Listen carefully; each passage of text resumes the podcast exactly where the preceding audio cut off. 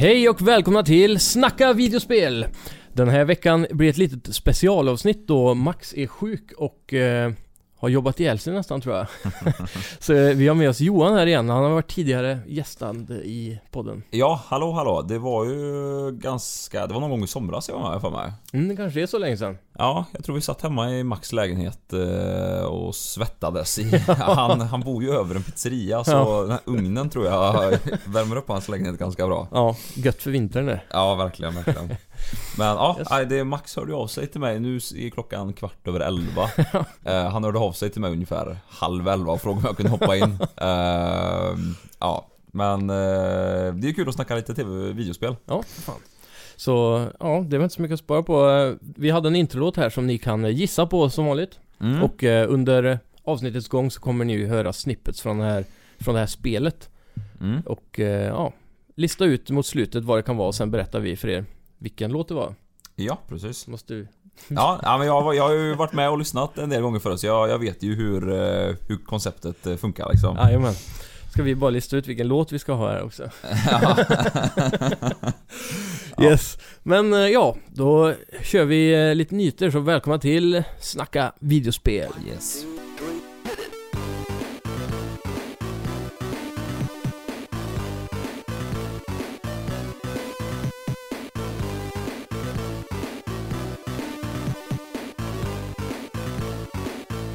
Yes, första nyheten den här veckan är att Zelda-porr är 164% mer populärt nu när Switch har släppts. Okej.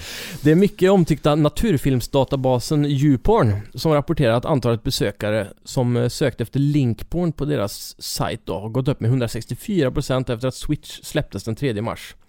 Och eh, ja, antalet sökningar efter Mario-porn, Peach-porn och Zelda-porn har även ökat den senaste veckan, vilket rimligtvis borde betyda att Nintendo Switch-ägare är lite perversa. Ja, men det där tror jag sträcker sig över ganska många, eh, eller de här lite större spelen som släpps. Mm. Eh, jag vet ju att Skyrim är ju ett eh, ganska klassiskt, vad ska man säga, ett modspel som det går att modda lite för mycket i. Ja, precis. Eh, och sen spela in lite hemmaklipp och så. Ja, men eh, ja, det, man, man tror ju att Nintendo är för barn men det är nog... eh, ja, det är mycket vuxna här med. ja, det är en rolig nyhet då. Ja, verkligen. Eh, ska vi se. Eh, ja, eh, nu vet vi varför Rime kostar mer till Switch. Uh, Tequila Works kommande Rime släpps och skrevs då att Switch-versionen, som inte kommer senare, blir 10 dollar dyrare än till PC. Playstation 4 och Xbox One. Eh, det finns självklart en orsak och eh, Katanu eh, kontaktade utgivaren Greybox för att få veta mer om varför. Detta är svaret de fick. We set prices for our products based on the costs of development and publishing for each specific platform. I can confirm that cost of manufacturing also is a factor, in addition to the statement below about development and publishing costs.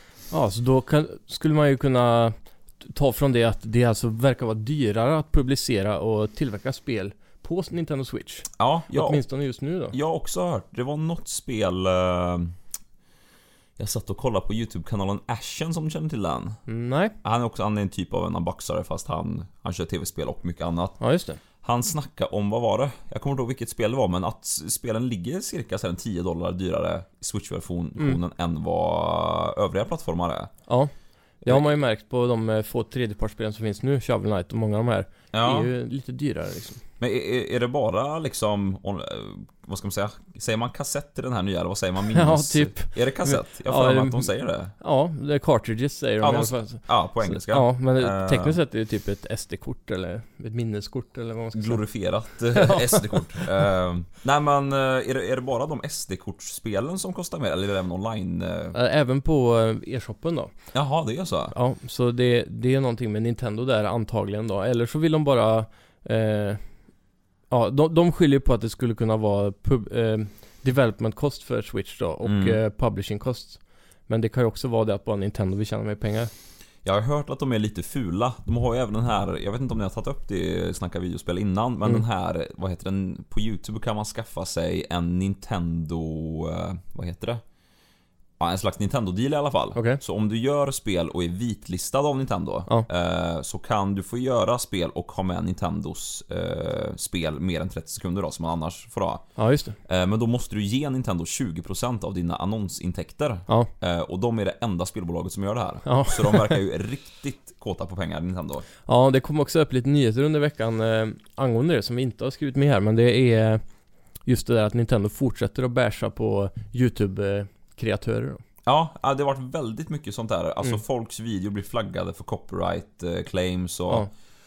Mycket de, så. Ja, de får inte visa alltså, spel de vill recensera och så vidare. Så det... Jag vet Mm. inte om det är rätt väg för Nintendo att gå. De är ju lite liksom på hal is eh, rent ekonomiskt efter Wii U och liknande. Ja, verkligen. Och eh, all marknadsföring de kan få är ju bara bra, så jag förstår inte varför de hela tiden motarbetar YouTube-rörelsen om man säger så. Nej, det...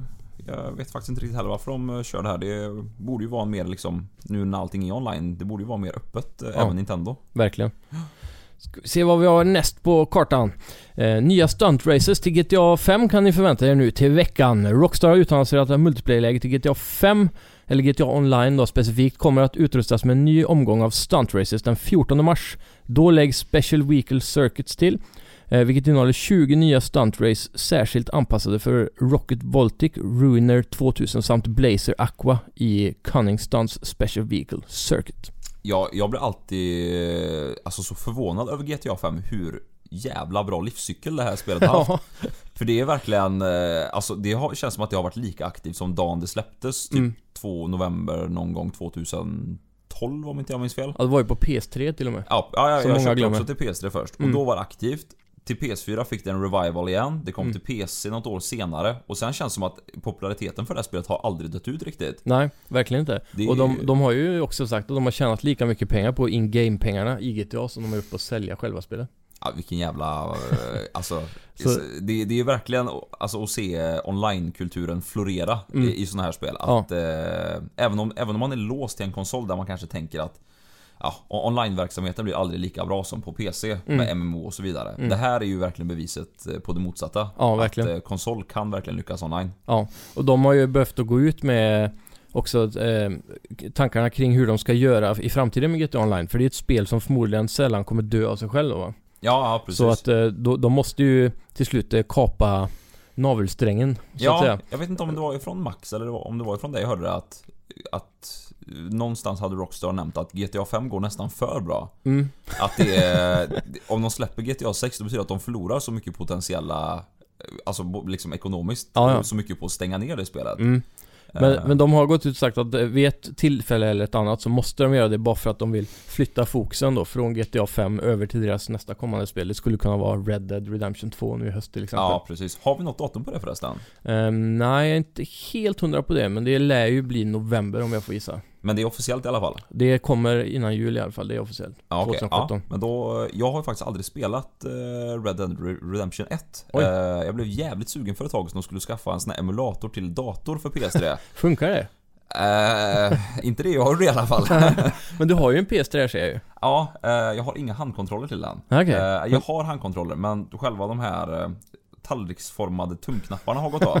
Så jag har två stickor att sitta och spela på. Så jag, jag har faktiskt inte orkat ge mig in i det där. Du får tugga lite tuggummi och sätta på sig. ja, det, jag, men- jag får ta till mig det tipset. Men jag har, jag tror, jo men jag har ju Red Dead Redemption och eh, handkontroller så du får gärna låna av mig om du vill. Ja, det hade jag gärna gjort i så För fall. det, det är lätt eh, PS3s kanske topp 5 spel. Ja, säga. Kan det vara PS3s eh, Horizon Zero Dawn om vi ska spoila lite? Ja, Ja, det tror jag. För Johan har ju faktiskt eh, i princip varvat Horizon Zero Dawn. ja jag är väldigt nära nu i alla fall. Som, ja, jag ska få berätta lite om det senare. Absolut. Eh, rykte, eh, supersampling och 4K Blu-ray till Xbox Scorpio. Mm. Eh, enligt Win Windows Centrals Our Trusted Sources eh, ska den kommande Xbox Scorpio ha en 4K Blu-ray-spelare precis som Xbox One S. Eh, och den ska vara powered by HDMI 2.0 eh, with wide color ga... Hur, hur? Game Gammut kanske? Gamet, gamet, Gammut? En HDR. Eh, De skriver också eh, att även eh, gamers som inte har 4K-TV kommer att nyttja av den mer kraftfulla konsolen. Det låter ungefär som när Sony gick ut med PS4 Pro ungefär. Ja. Förutom Blu-ray... Biten där ja. ja. Ja, det är ju också det att de har inte riktigt lyckats att bekräfta om det här kommer bli som en pang på ett nytt Xbox eller om det bara kommer vara så att alla spel funkar till alla Xbox. Eh, Och det här okej. tyder ju lite mer på att det blir en Pro-grej med Scorpio. Fast det är en, en ännu kraftfullare än Pro. Att det här inte är nya Xbox, Xbox 2 till exempel då. Nej okej, okay. men att de kör på samma koncept som Proen tänker du? Ja, Eh. precis. Att eh, du kommer kunna köpa Halo 6 eh, på både den nya Scorpio och Xbox One då. Alltså, När okej det väl kommer. så du menar att de, de kommer dela upp Pro-marknaden, eller Scorpio-marknaden då, och den andra marknaden med två olika spel? Ja, det, tanken är, är då att antingen är det ett helt nytt Xbox. Så att eh, till exempel, nu är det ju backwards compatibility då, men Mm. som med PS4 och PS3. Då Ja. kan du inte spela PS3-spelen på PS4 och- så vice versa. Nej precis. Och att det skulle bli en sån grej då liksom. Men nu har ju Microsoft gått in lite på den banan att de alltid ska uppgradera konsolen och ha, hålla samma typ av PC-bild i. Så, Just det ja. så att det alltid kan vara backwards compatible och, och då är det bara grafiken som är skillnaden. Ja, det, det känns ju nu när båda storkonsolerna ligger på en eh, alltså PC-bild så att säga. Mm. Eh, att eh, det är rätt väg att gå egentligen. Ja. Att man kör på samma plattforms, eh, vad ska man säga? Samma plattform helt enkelt. Ja. Fast bara förbättrar den ju mer åren Mm. eh, går liksom. Släng in ett nytt grafikkort. Ja men alltså jag... jag... Skruvar i den där processorn alla vill ha. Nej men alltså jag köpte ju PS4 Pro när den kom. Ja. Och liksom för mig när det var en deal på GameStop så jag bytt in din gamla PS4 och få eh, alltså typ 2 500 i rabatt på den nya. Ja, Ja. absolut liksom. Jag vill Ja. ha mer upplösning och mer frames och allt vad det är så. Ja, Ja, jag, jag gillar den trenden alltså. ja, faktiskt. För precis som du sa nu också, om det alltid kan vara backwards compatible med, då behöver man ju inte spela, eh, byta in spelen och eller vara orolig för att jag slänger iväg konsolen och aldrig kan spela det här igen. Nej gamla. precis. Då, då har du ju hela tiden ett stadigt byggandes bibliotek.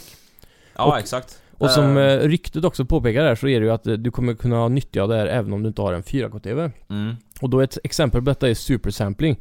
Som i princip innebär att det en bild i högre upplösning renderas varpå den sedan skalas ner till den aktuella upplösningen för att då uppnå hö en högre bildkvalitet. Ja, ja men det här... eh, Det, det här är ju det Proen, PS4 Proen också gör i vissa Ja. fall vet jag. Och, och det funkar faktiskt jävligt bra. Mm. Eh, Jag såg på Rise of the Tomb Raider som kom med eh, tre lägen. Det Ja. är väl ett framerate-läge, ett resolution-läge och ett texturläge om jag inte minns fel. Mm, det kan nog stämma. Ja, eh, spelar man på en 1080p-TV och kör resolution-läget, det Ja. blir betydligt tydligare Ja. än att bara ha en eh, standard 1080p-signal. Det är så pass ja. Jag, jag vet inte hur det funkar men Mm. eh, de lyckas på något sätt klämma in mer detaljer ja. i bilden.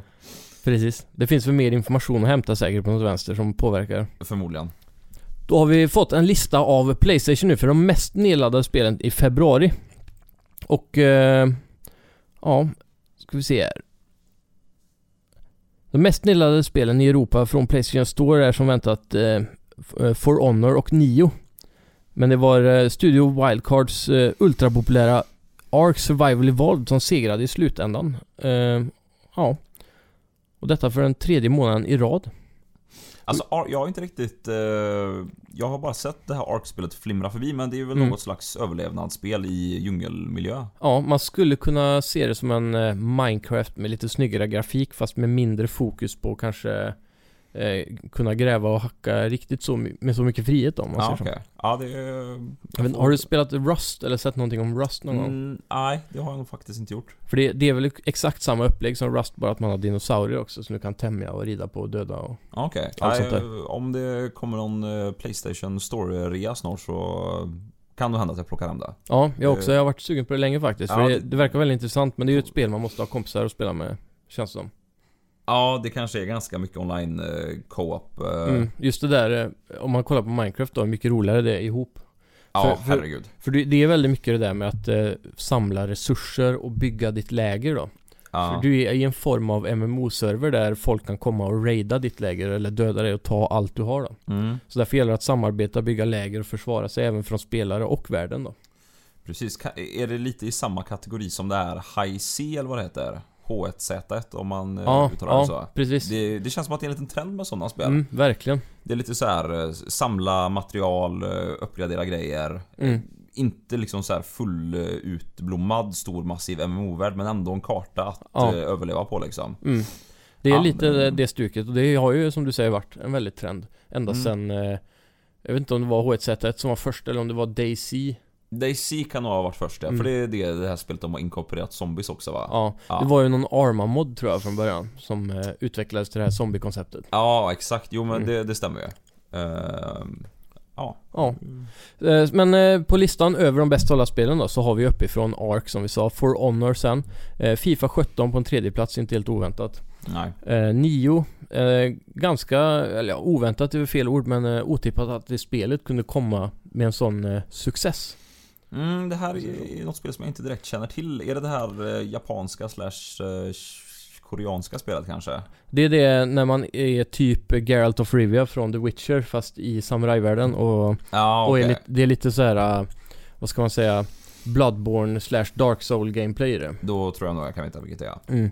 Så det, det har ju fått extremt mycket hype. Det är väldigt hype över de här supersvåra spelen nu för tiden, typ Bloodborne eh, Mm. och, och de här va. Ja, precis. Så därför har den kommit upp väldigt upp på listan och den har fått väldigt bra kritik också. Mm. Eh, Tom Clancy's Rainbow Six Siege fortsätter att leverera också. Det har ju bara gått uppåt och uppåt sen release för det spelet och den har ju nu rapporterats ha mer spelare aktivt än på release och det är väldigt få spel som klarar att göra det. Ja, verkligen. Och ett annat spel som klarar och har gjort exakt just det är faktiskt Rocket League som ligger på sjätte plats. Vilket jävla spel alltså. Det är sjukt faktiskt. Det är, När kan det här ha kommit? Jag plockar hem det på PS Plus-kampanjen. Ja, jag tror till och med att releasen var Playstation Plus. Ja, precis. För de ångrar väl så... Eller inte ångrar sig, men... Eh, när de såg hur mycket nedladdningar de hade på spelet under gratisperioden så... Ja. Eller i och för sig, de hade, det hade nog aldrig blivit ett så stort spel om det inte var gratis den månaden. Nej, men, det är eh, just det va. Och jag, jag, jag såg en intervju med chefen på Psyonix som har utvecklat spelet. Mm, Han var på Kind of Funny Games och pratade med Colin. mm. Och eh, där sa han ju då att eh, Playstation Plus var deras strategi för att eh, nå ut till massan och de, det som hände var det de hoppades på då. Mm. Att det skulle få sån uppmärksamhet och sen skulle folk köpa det.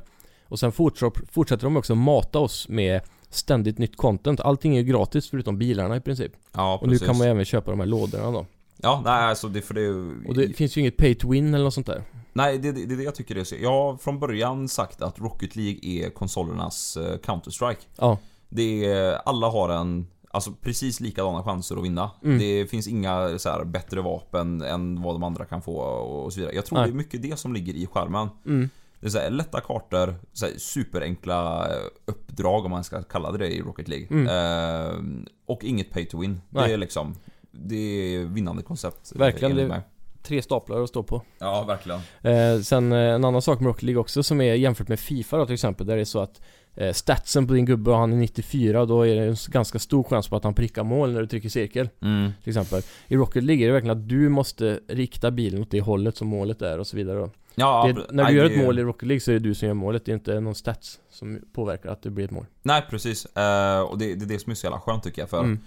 Även om man skulle, alltså det är ju ett rankningssystem här som tycker jag funkar ganska bra. Man Ja. möter alltid folk som är ungefär lika skillade. Mm. Eh, men det är ändå så här, man kan möta någon som är bättre, som har en svindålig match som Ja. man kan vinna över och vice versa. Mm. Så det finns ju alltid en liten sån här random koefficient i det hela. Att eh, vad som helst kan hända egentligen. Ja, riktigt grymt Och eh, som de sa Deras bäst så- eh, sålda bil är väl Batmobilen tror jag Ja, den har man sett eh, Och det var det, deras första DLC, tror jag. Till det här spelet. Ja, det kan det vara. Det vet jag att jag köpte i ren, eh, vad ska man säga? Död. Ja, ja eh, ren tacksamhet Ja. över att eh, man fick det här spelet gratis. Ja, verkligen. Men det är ju det man känner också när de har levererat ett sånt eh, kvalitetsspel och att de inte bara pumpar ut Rocket League 2 för att tjäna pengar på att sälja ett spel igen. Nej, Att de hela tiden supportar eh, spelarbasen då. Det är det som gör att man vill lägga de här pengarna på Rocket League. ja verkligen. Nej, jag har inget annat än goda ord att säga om Rocket League alltså. Mm. Den här nyaste uppdateringen som kom nyligen, Hot Wheels, har du kollat in på den? Mm, jag har inte varit så insatt i själva expansionen om man får säga det, eller Ja. delserna till Rocket League, men jag har nog sett eh, reklamen för det har jag nog gjort. Ja, och den senaste där, då är det som sagt Hot Wheels de har samarbete med och det är ju faktiskt otippat nog den bäst säljande DLCn sen Superman, eller eh, Batman-bilen. Asså? Så det är lite otippat. Det är de här klassiska små Hot Wheels-bilarna med flames på, typ, med dödskalle fram och så här. Och jag hade inte trott att den skulle sälja så mycket för jag själv personligen tyckte inte om den designmässigt. Men Ja, ja. Det Nej, det, kanske är en större hit i... eh, Jag kan tänka mig att Hot Wheels är ganska stort i USA. Mm. Eh, Att det är en sån här... För det är väl mycket med Nascar och såna grejer kan jag tänka mig. Ja, jag, är- jag har sett via internet mycket konstig marknadsföring runt Hot Wheels i det sista också. Jaha.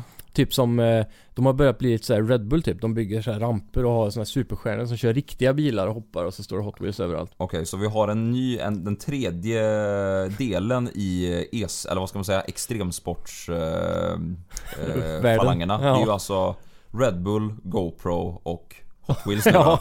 Det är de tre eh, Ja. extremsportsföretagen. Sätt dem ihop så blir det kaos. Ja, verkligen. Ja, vidare på listan är på sjunde plats Battlefield 1. Inte så mycket att säga om det kanske. Har du jag, spelat det? Jag lånar faktiskt med en kopia här av min yngre bror Ja. och har kört kanske två timmar. Okej. Single player, Eh, multiplayer? eh, Bara single player än så länge. Ja, jag är fortfarande av gamla skolan att man ska köra igenom single player innan man går in online. Helt riktigt. Ja, Det ska alla ni där hemma ta in också. ja, Spela Call of Duty Battlefield single player-läget. ja, och sen kör Ni ni... går miste om någonting för Ja. det är tajta spel alltså. Ja, verkligen. Jag har... eh, Och, alltså jag har varit att jag har köpt alla Call of Duty när de väl har kommit ut, spelat single player, men sen har jag aldrig varit så intresserad av multiplayer egentligen. Nej. Utan då har man nästan bytt in dem efter det. Precis. Men ja, men det Battlefield 1 eh, verkar bra än så länge. Ja. Nu är jag ju lite sen på, uh, sen på det hela med att göra någon recension på det men Jo, ja, precis. Det, det verkar bra. Absolut. Mm. Eh, The Witcher 3 fortsätter att sälja på åttonde plats. Sen har vi Minecraft på nionde som alltid fortsätter att sälja. 120 miljoner exemplar ligger de ute med nu. Helt sinnessjukt Det alltså. är helt galet. Kan det betyda att Minecraft har sålt mer än vad Michael Jacksons Beat har gjort? Eller vad säger jag? Vilken är hans Thriller? Uh, världens mest sålda skiva. Ja, det kanske det är. Kolla upp det. Jag ska ta upp det och kolla. Det är ju helt sjukt i så fall om Ja. eh, ett tv-spel har sålt mer än världens mest sålda album. Ja, och det, det är ju någonting med spelmediet som har dragits framåt nu under de senaste 20 åren verkligen som eh, exploderar världen över och, och slår bio-blockbusters. Alltså de har bättre resultat eh, pengamässigt än till exempel Star Wars-filmer då. Ja, det är helt sinnessjukt. Och det är Här ska ganska vi se. Eh, jag kan ju säga att eh, Minecraft har slått uh, Thriller ganska ordentligt. Är det så? Thriller, alltså världens bäst sålda album, Ja. har sålt 65 miljoner exemplar. Jävlar. De har alltså dubblat det här. Det är helt Minecraft. sjukt. Men då har även GTA 5 slått Thriller då. För jag tror de ligger på 75 miljoner. Ja, det har de exemplar. nog i så fall. Det är rätt sjukt om man tänker att ett, ett album är ändå en 40-50 minuters experience att ta sig igenom. Ja. Det här spelet är ju ändå något man plöjer ner i kanske dagar och veckor. Ja. Det är ju... Ja, det är... Otroligt. Ja, verkligen. Och det är också Minecraft finns ju att få tag på överallt. Från din telefon till den största konsolen bara. Ja, är det inräknat även typ det här Minecraft Pocket? Det här? är det säkert. Ja, Det är Ja, men, alla eh, versioner av Minecraft skulle jag ja. tippa på. Ändå, det är fortfarande imponerande alltså. Mm. På tal om siffror, jag tror Rocket League som vi har sagt ligger på 25 miljoner eh, unika spelare då. Det räknar ju så även om du har köpt det och sen loggar någon annan in här med sitt konto och spelar split screen då. Ja, okej. Men ungefär 10 miljoner sålda exemplar tror jag de har räknat ut att det är. Ja, det är fortfarande... Det är ju... Alltså för Det är grymt. Det är ett indiespel. Ja, ett indiespel. Det är ju... Mm. Jag, jag kan inte tänka mig att det har varit... Alltså det är ju inga liksom kod-utvecklargrupper som har suttit Nej. bakom där. Jag kan tänka mig att det är ett team på en 10-15 personer. Ungefär. Och det, de har ju money in their pockets right now alltså. Ja, det, det måste det vara. Mm.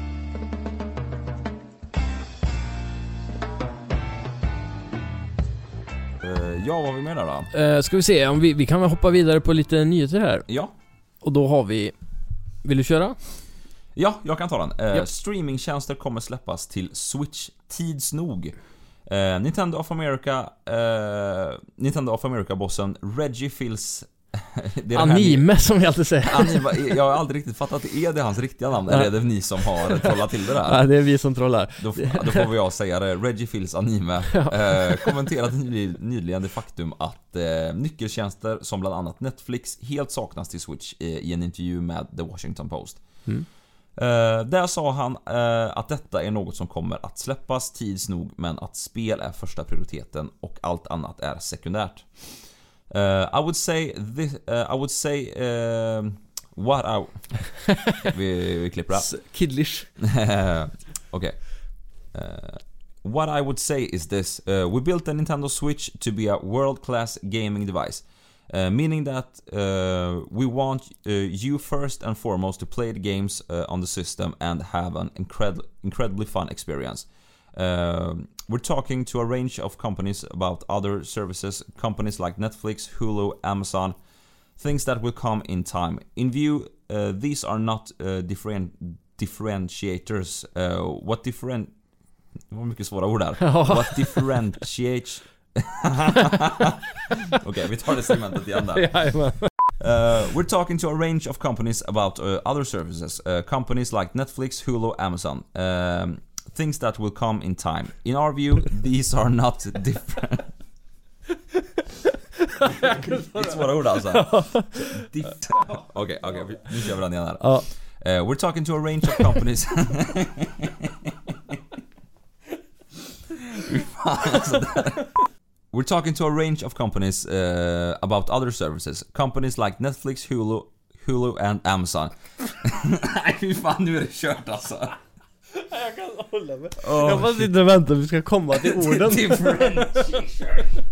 Uh, we're talking to a range of companies uh, about other services. Companies like Netflix, Hulu, Amazon. Uh, things that will come in time. Uh, in our view, these are not dif- differentiators. Uh, what differentiates us is the way to you, the way you play uh, with the Nintendo Switch. And what you and what you can play, and then what will continue continue to be our focus into the future as we continue driving this platform. Grymt! Ja, jag kom igenom den uh, meningen Härligt. efter många omtagningar. Ja, men eh, om man ska bryta ner det här då så är väl egentligen det han säger att eh, de har inte haft tid att utveckla Switch i tid till lanseringen och eh, de har snack med Netflix om så apparna kommer att komma men han skyller på istället då att vi eh, de egentligen vill att vi ska spela spel först och främst på konsolen. Ja, alltså för mig är egentligen inte de här mediaapparna eh, någon större dealbreaker egentligen. Nej. Alltså det känns som att... Men det, Alltså- i, i ett, ett stadie som Switch är på just nu då, om, man, Mm. om man kollar på uh, innehållsmässigt, Mm. så har vi ju eh, två, tre, eventuellt eh, fyra bra spel. Och, och då kunna fylla ut med att kanske du sitter på tåget, du har spelat lite Zelda och sen så drar du upp Netflix och tar en film istället. För Ja. att, Jo, det, i, det, i den aspekten att det ändå är en handhållen konsol. mm, Så kan jag, kan jag ju förstå det. Ja. Men just... Alltså jag hade nog mest använt... Nu har inte jag köpt den här konsolen. Men Mm. hade jag eh, varit endorser av eh, en Switch-konsol, då hade jag nog inte brytt mig till, till en början med. För alltså vad fan. Jag har ett Playstation 4 här som kör det liksom. Många Ja. har en iPad, en Mm. mobiltelefon, en smart-TV. Liksom. Det finns sätt att nå de här tjänsterna på annat sätt. Men Verkligen. självklart det är plus om det är Ja. integrerat. Men sen så ett annat problem med den här konsolen är att finns det inget wifi så måste du ta det via telefonen. För att då kunna koppla upp till Ja. Och, och då kan du lika gärna, tycker jag då, titta på telefonen. Ja. Nu är skärmen lite större, nu har jag en plus-size telefon i och för sig. Mm. Men, eh, Men grejen är där att om man ska vara ännu mer eh, så pragmatisk och jobbig att Ja. då drar det så mycket på batteri på telefonen. så då får du nästan så här, ha en powerbank till din telefon ja, som sen donglar till din switch som du ändå Ja. inte kan se på film så jävla länge. Så då får du ha en dongel till den också. Så det är så här, det precis. blir ju mer och två mer problem med det. powerbanks. Ja men det, Få med det, en hel ryggsäck med grejer för att kolla det. det, ju, det känns som att eh, vi har gått över ifrån att vara alltså någon slags, eh, alltså vad ska man säga? Jag vet inte vad vi har gått över ifrån. Men vi, vi har i alla fall blivit en dongelgeneration. Man måste ha... Dongelgenerationen, citat Johan Olsson. Ja men jag, jag tror att det är lite så alltså, för det är allt, alla grejer du har eh, måste ha någon slags här, konverterare till USB-C, till något Ja. annat, eh, någon powerbank du ska ha med dig och så vidare och så vidare. Ja, iPhone 7 tar bort den här 3,5 mm jacket och... Ja, och då får du ha eh, konverterare till vanligt 3,5 jack eh, och så vidare och så vidare. Ja det är konstigt. Jag har sett på tal om det här med dongelgrejen då att eh, det är en stor grej med Kickstarter nu att skaffa ren energi och på, på flykten så att säga. Mm. Så du kan, i Indien så har de eh, marknadsfört lite med att man kan ha en sån här liten, det ser ut som en fläkt, USB-fläkt man har till datorn nästan. Ja. Som de har på tågen, för det, de slåss ibland om eh, eluttagen på tåget för att kunna ladda sina telefoner för det är så mycket folk. Mm. Så då har de de här små fläktarna som sticker ut genom fönstret och då blir det som en vindturbin som de kan ladda på vindkraft. Smart ändå. Ja, det är det. Riktigt smart. Det är det faktiskt. Eh, jag har även sett att det är en del något som jag var lite sugen på att köpa för ett tag sedan. Mm. Eh, ryggsäckar med såna här solpaneler på. Ja, jag vet inte hur ofta jag hade använt det. Nej, men jag tänker det då. bara den gången när jag är liksom... ja, på strand- äventyr. Ja, strandsatt någonstans. Fan vad gött att ladda telefonen i Ja, ryggsäcken. fan, verkligen. Och då kan den ligga i solen hela dagen så är det förmodligen ett batteri i ryggsäcken då som den tankar upp. Ja, jag antar det. Mm. Ehm, ja, ja, då Yes. eh, kör vi vidare kanske. Jajamän, Microsoft förbjuder penisar i Xbox One-versionen av Conan Exiles.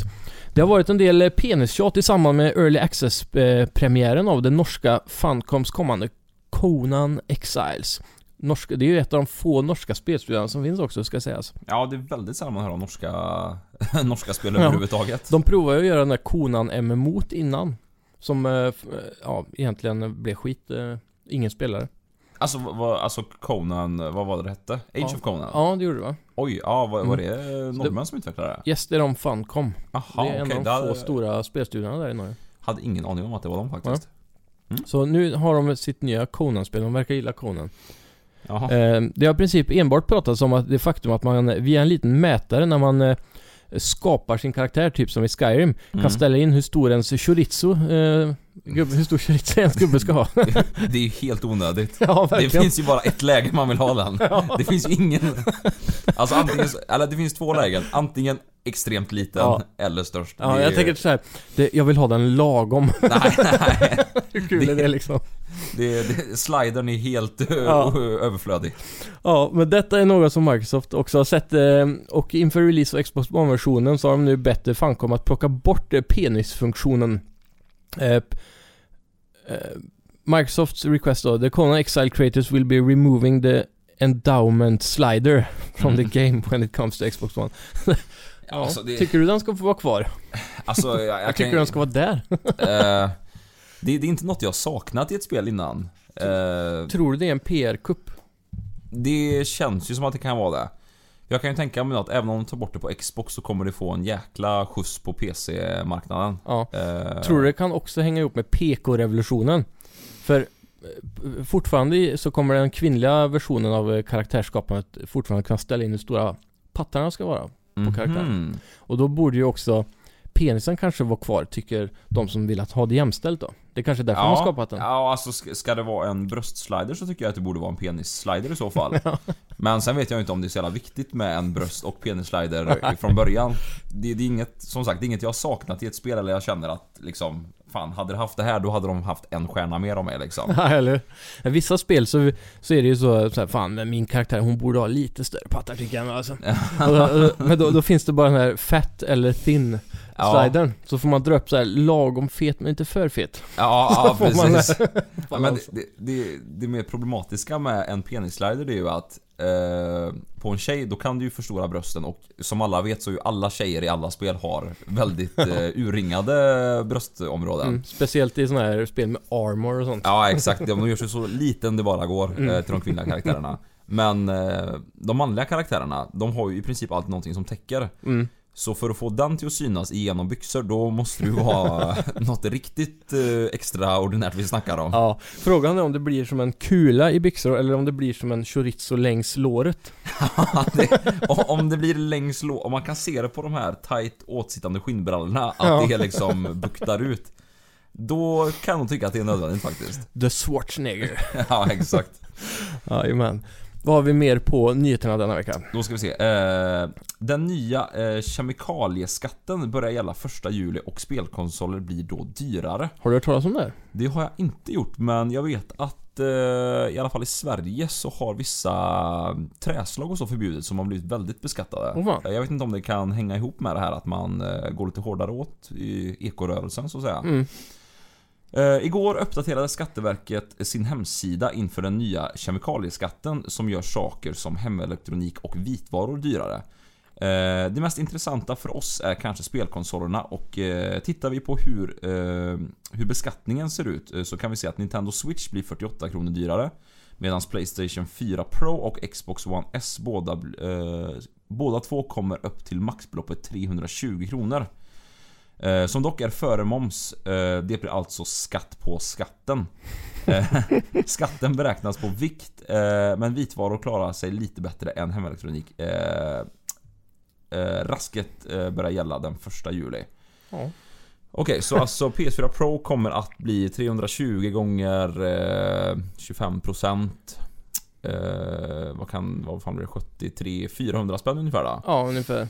Och det, Det är ju ganska mycket ändå. Ja, det är det Alltså verkligen. om man kollar på nu då, en konsolen eh, som, som den har, nu börjar konsolen dippa ner på 1990 Ja, Men eh, tidigare har konsolen legat på kanske 2499 ja. Då blir det helt plötsligt 3000 kronor igen då nästan ja. Och- Det är ju en big deal liksom Ja, det är det verkligen. Playstation 4 Pro, jag vet inte vad den ligger på i dagsläget nu, men... Nej, Proen är väl kanske 3000 just nu Så Ja, blir det 3400 plötsligt då Ja, det är ju ändå... Vad fan blir det? En 11, 12, 12, 13 procent på totala priset plus då. mm. Så det är ändå ganska... Fan, Det- det är ganska mycket ändå. Ja, det kan svida i plånboken för många det där eh, Dock är det ju härligt då att det här som sagt baseras ju på vikt Mhm. Proen är väl den kanske den dyraste varan och sen finns det ju ett pristak då så Proen kommer ju ändå upp i taket på 320 kronor Det kan aldrig bli mer skatt än så Ja, okej. Men vad menar du med kemikalieskatten? Alltså Ja, menar de... det är typ plasten och sånt där då som de beskattar på något vänster Ja, okej. Och det är egentligen bara en nödskatt som regeringen har dratt igång tror jag för att få in mer pengar Ja, det känns... Det, det har ju inte varit direkt något sånt mediablås om det här. Nej, det finns ju inget tecken på att vi behöver en kemikalieskatt i Sverige utan det är bara ett sätt att beskatta någonting mer. För de har ju gått ut med mycket där de ska sk- beskatta solceller och det, Ja. det är mycket konstiga skatter bara helt enkelt. Så det är, Ja, de det där- skrapar ihop känns det som. Ja, det är lite tråkigt. Eh, alltså om man tänker just konsolmarknaden då som... Mm. Alltså jag vet ju att det är många som... Eh, Man har kollat ett kylskåp då för 8000. mm, Då är 320 kronor inte så farligt. nej, men just en konsol, jag vet ju att alltså... mm, elektronik. Ja, det är ju ganska mycket yngre också. Jag, alltså, Mm. när började man spela konsoler? När man var 10 år, något sånt där. Mig senast. Ja, och eh, jag kan tänka i sparbörsan när man var så här en 10-11 år. Det är 400 kronor, det är mycket sparande alltså. Ja, bara det är för att komma upp, eh, för att kunna köpa den här konsolen. Mm. Det kan vara ett halvår med veckopengar det. Ja, ja, minst, minst. Eh, men ja, ja, det är så Ja. det att bo i Sverige. Ja. det är inte mycket annat att säga. Nej. Eh, Middle Earth Shadow of War har ju visats den här veckan. Har du sett det? Jag har sett eh, lite flimra förbi. Jag har inte satt mig in i det, men... eh, Mm. Nej, nej. Shadow of War, eller Shadow of eh, Mordor då, som var föregångaren. Har du spelat det? Eh, jag tror att någon shareplayade med mig på... eh, på eh, Playstation, men jag har Mm. inte... eh, Du har inte satt tänderna i det själv? Nej, nej det har jag inte gjort. Det var ju ett Open World-spel, helt utspelandes i Mordor. En ganska fristående självskriven story som är löst baserat på böckerna. Mm, ja, jo, så, så långt är med. Och eh, det här är ju då en uppföljare som blir ännu mer löst baserat då. Man ska ge sig efter Sauron. Uh, Sauron himself den här gången. Okej. Eh, det stora med det här spelet som kom, uh, Shadow of Mordor, var ju att eh, Nemesis eh, systemet då, att du, du hade en karta över eh, warships då. Mm. Och under dem fanns det generaler och grejer. Och du kunde ju då, om du, om du slogs mot en sån och förlorade, så när du kommer till han igen så kommer han ihåg vad som har hänt. Om du har kastat han i elden och han flyr till exempel, så kommer han ihåg att du brände honom. Så kanske han är rädd för eld nästa gång då. Ja, okej. så vidare. Så det, det ger en personlig touch till fienden möter och alla får en unik spelargenomgång. Ja, det är lite AI eh, Ja, uppgraderat liksom. Ja, och, och det är just det där att, eh, den fienden, att din nemesis kan bli eh, en helt egen karaktär då. Alltså Ja, jämfört det- med mi- min nemesis. Ja, Att du kan få en, en boss där som varje gång du möter han så förlorar du för att ha gått åt han för tidigt till exempel. ja precis. Och, och varje gång han vinner över dig så levlar han också. Och kanske går upp i ranker. Han kan ju bli en warchief eller eller, okej. eh, eller Det- helt enkelt bli kraftfullare och det, svårare. här, det här känns ju som att det är något eh, helt nytt faktiskt. Mm, det här har verkligen. man inte hört talas om tidigare. Nej, och i Shadow of War nu så kommer de ju ta den här biten ännu ett steg längre som de visade i den senaste gameplayen de släppte på 16 minuter nu Mm. i veckan. Så den kan jag rekommendera alla att gå in och se. Det är en riktigt intressant trailer de förklarar hela biten med Nemesis-systemet i den nya funktionen. Men eh, kort sagt så är det egentligen att de har uppgraderat det till att det handlar mycket mer om baser. Och varje stor boss då, eller warchief och general har sin egen bas som du måste ta över med hjälp av en armé som du samlar ihop själv med orker du har tagit över då. För man kan processa dem med någon form av magi. Ja, okej. Så de hamnar på din sida. Så du samlar din armé och till slut får du anfalla en bas då. Och varje eh, Nemesis eller Chief då som är där uppe har eh, är, är random-genererat då på eh, Alltså din spelargenomgång blir helt olik min för hans rum när du väl kommer upp i hans huvudlokal där du ska möta han Mm. är specialdesignat med Ja, eh, vad det kallas det När det är random generated Mm. hur det, hur det ska se ut där inne för att det ska bli en form av utmaning då Det kan Ja, okej. komma eld i golven och Ja. de är bra på olika saker så. Ja, Okej, ja, men så liksom alla större fiender i spelet blir dynamiska mot hur Mm. du har valt att gå tillväga liksom. Ja, lite så. Och, och allas eh, spelgenomgång då kommer bli olikt den andras. Ja, det är ju ganska coolt ändå, för det är Mm. ju ett tag, eh, eller ett tag, det är ganska många gånger man spelar ett spel och till slut så blir det liksom som rinnande vatten. Ja.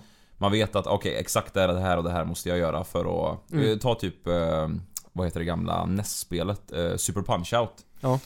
Det är ett sånt där klassiskt spel när man... Det är jättesvårt i början men sen lär man sig mekaniken och då går det hur lätt som helst. Det, det finns ju folk som har spelat det här spelet blindfolded och tagit det på typ 7 minuter liksom. Ja. Eh, men alltså med det här spelet så kommer man aldrig kunna ha ett... Liksom ett, en pattern på enemin. Utan det, allt kommer vara nytt varje gång du möter den. Ja, speciellt med vårdskiften. Och det är det att du kan skapa den här relationen till och med. Det som också är nytt är att eh, du får en relation till dina allies med.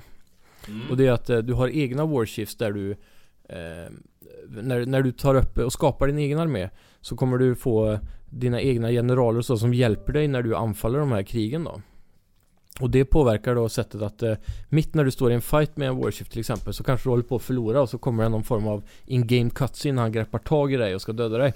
Helt plötsligt så kommer det en pil från ingenstans i hans huvud och då står din ally uppe i ett torn där och, och är en sniper-ally då, hans eh, kunskap är sniper till exempel fast med pilar. Ja okej, ja men fan Så- det här... Så de kan liksom poppa in helt random och hjälpa dig och, då, och det skapar ju en dynamisk story också då.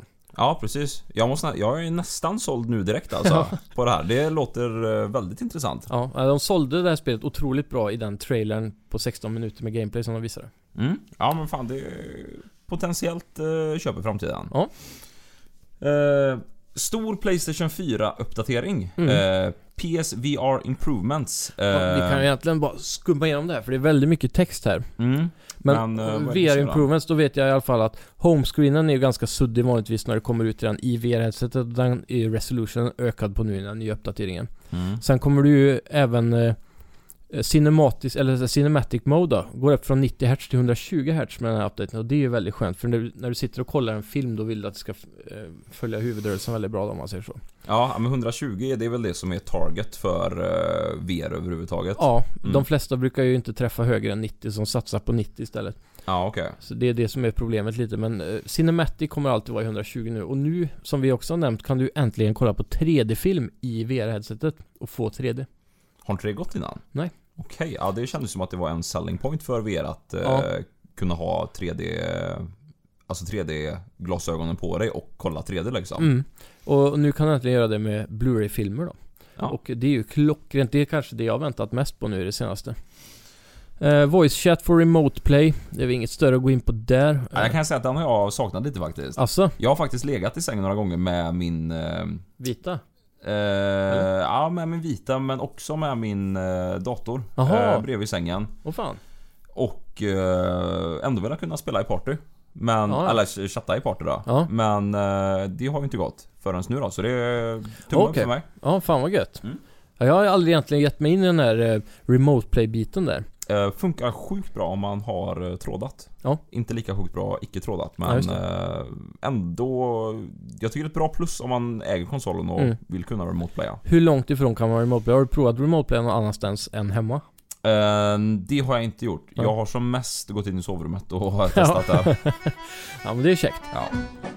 We'll surely avoid scurvy if we all eat an orange. And, um. Well, uh. Door hinge? No, no. Guess the song's over then. Guess so. Okay, back to work.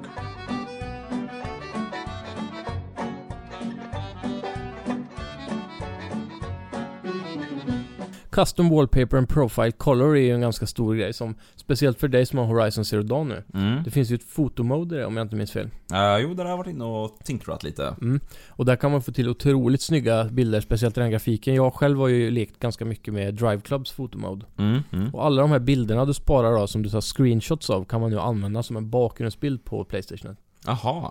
Det trodde jag faktiskt att det redan gick, men Nej, eh, jag har inte det- testat det. Det gick ju att ta alla bilder som fanns på eh, PS3 och Mhm. göra så. Men PS4 får det först nu faktiskt. Och det är väldigt trevligt. Man har ju sett redan nu i Playstation-gruppen på Facebook att eh, det är många som laddar upp sina egna privata s- ja, screenshots som bakgrunder. Ja, precis. Ja, men det är ju absolut... Eh, kanske inte det viktigaste, men ändå kul att kunna göra. Ja, eh, för det, det, det finns många teman men det är väldigt få som är snygga om jag skulle säga så. Mm. Sen har vi Activity Feed Privacy, Save Data Shortcuts och eh, From Capture Gallery to Share Factory. Select your chosen screenshot in video in Capture Gallery and by pressing the option button you'll have the choice to get straight into Share Factory and start editing. Så det Ja, gör ju allting lite- lite, smidigare. Lite genvägar liksom. Sen kan du också nu i Share Factory skapa GIFs och det kan ju vara lite kul för de som hänger mycket på forum och sånt. Ja, det är ju verkligen eh, någonting som är användbart. Ja. Ändå, eller användbart användbart, men det är kul. Ja, det är verkligen kul. Man kan göra mycket roligt med GIFs. Mm. Jag Ja. längtar bara tills GIFs kan bli eh, ens eh, profilbild. Ja. Eller, alltså i, ja men som tar Drive Club, Drive Club till exempel. Mm.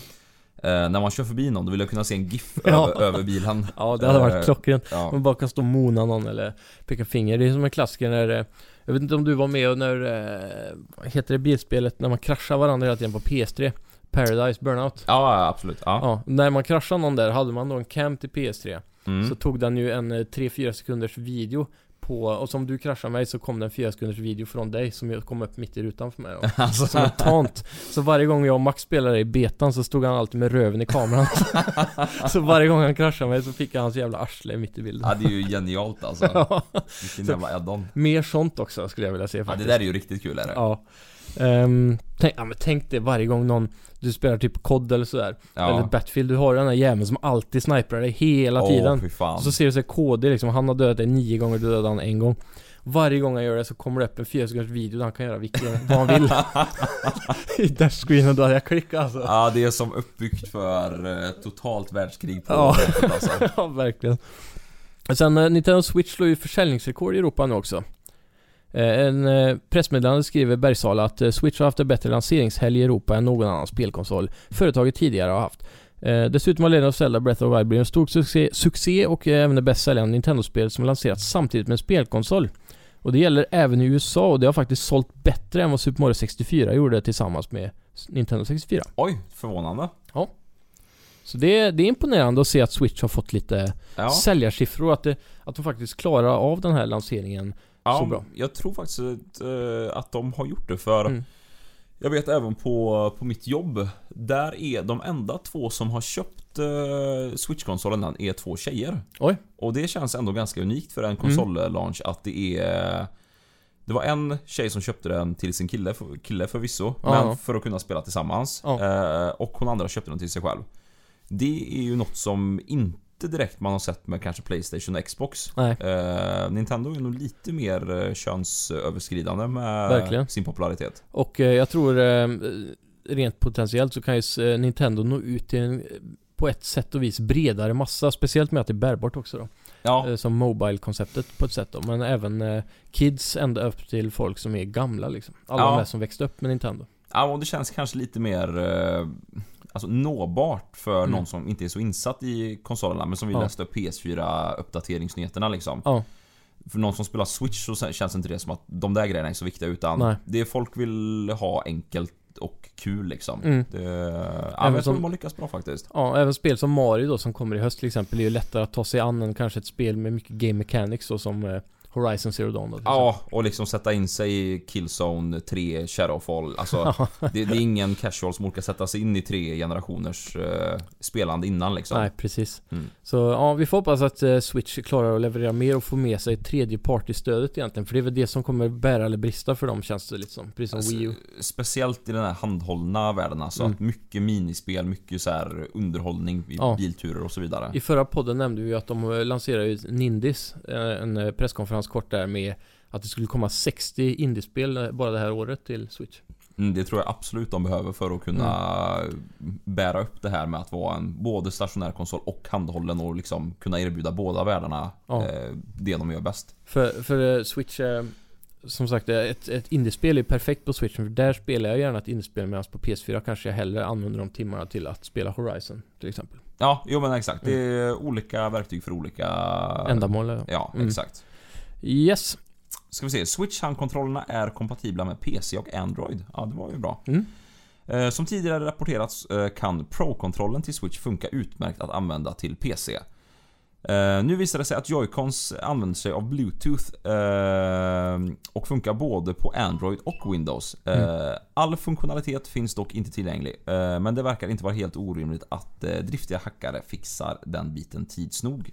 Mycket tidsnog idag. ja, ja, men...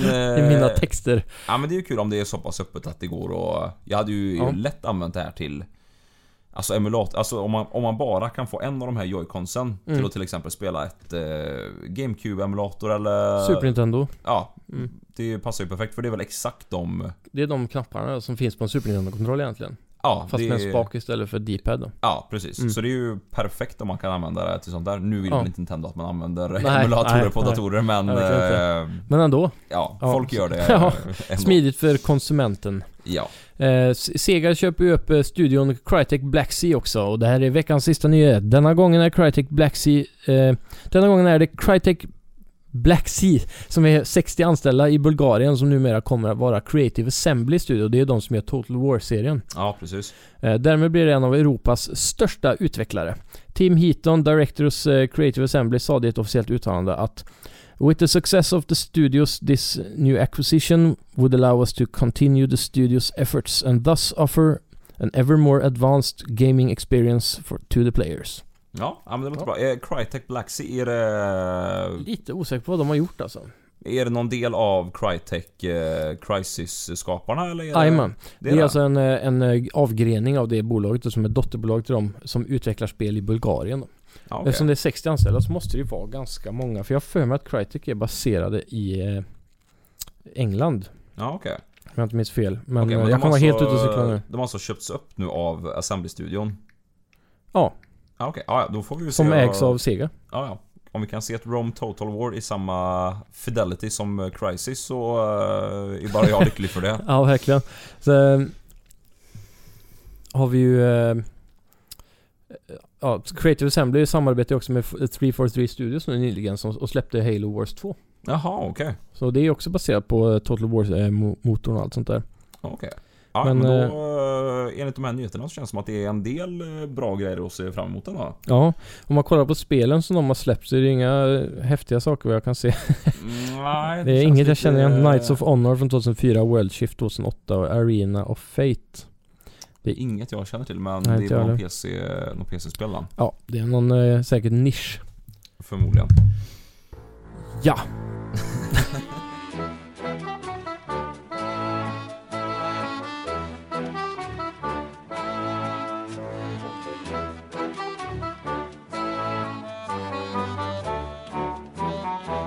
ja, vi, vi kan ju börja med mm, att jag har varit på bio den här veckan så vi kan eh, plocka in en liten eh, filmnyhet också. Eller inte Mm. nyhet kanske, men en eh, recension skulle jag väl kunna påstå. Mm.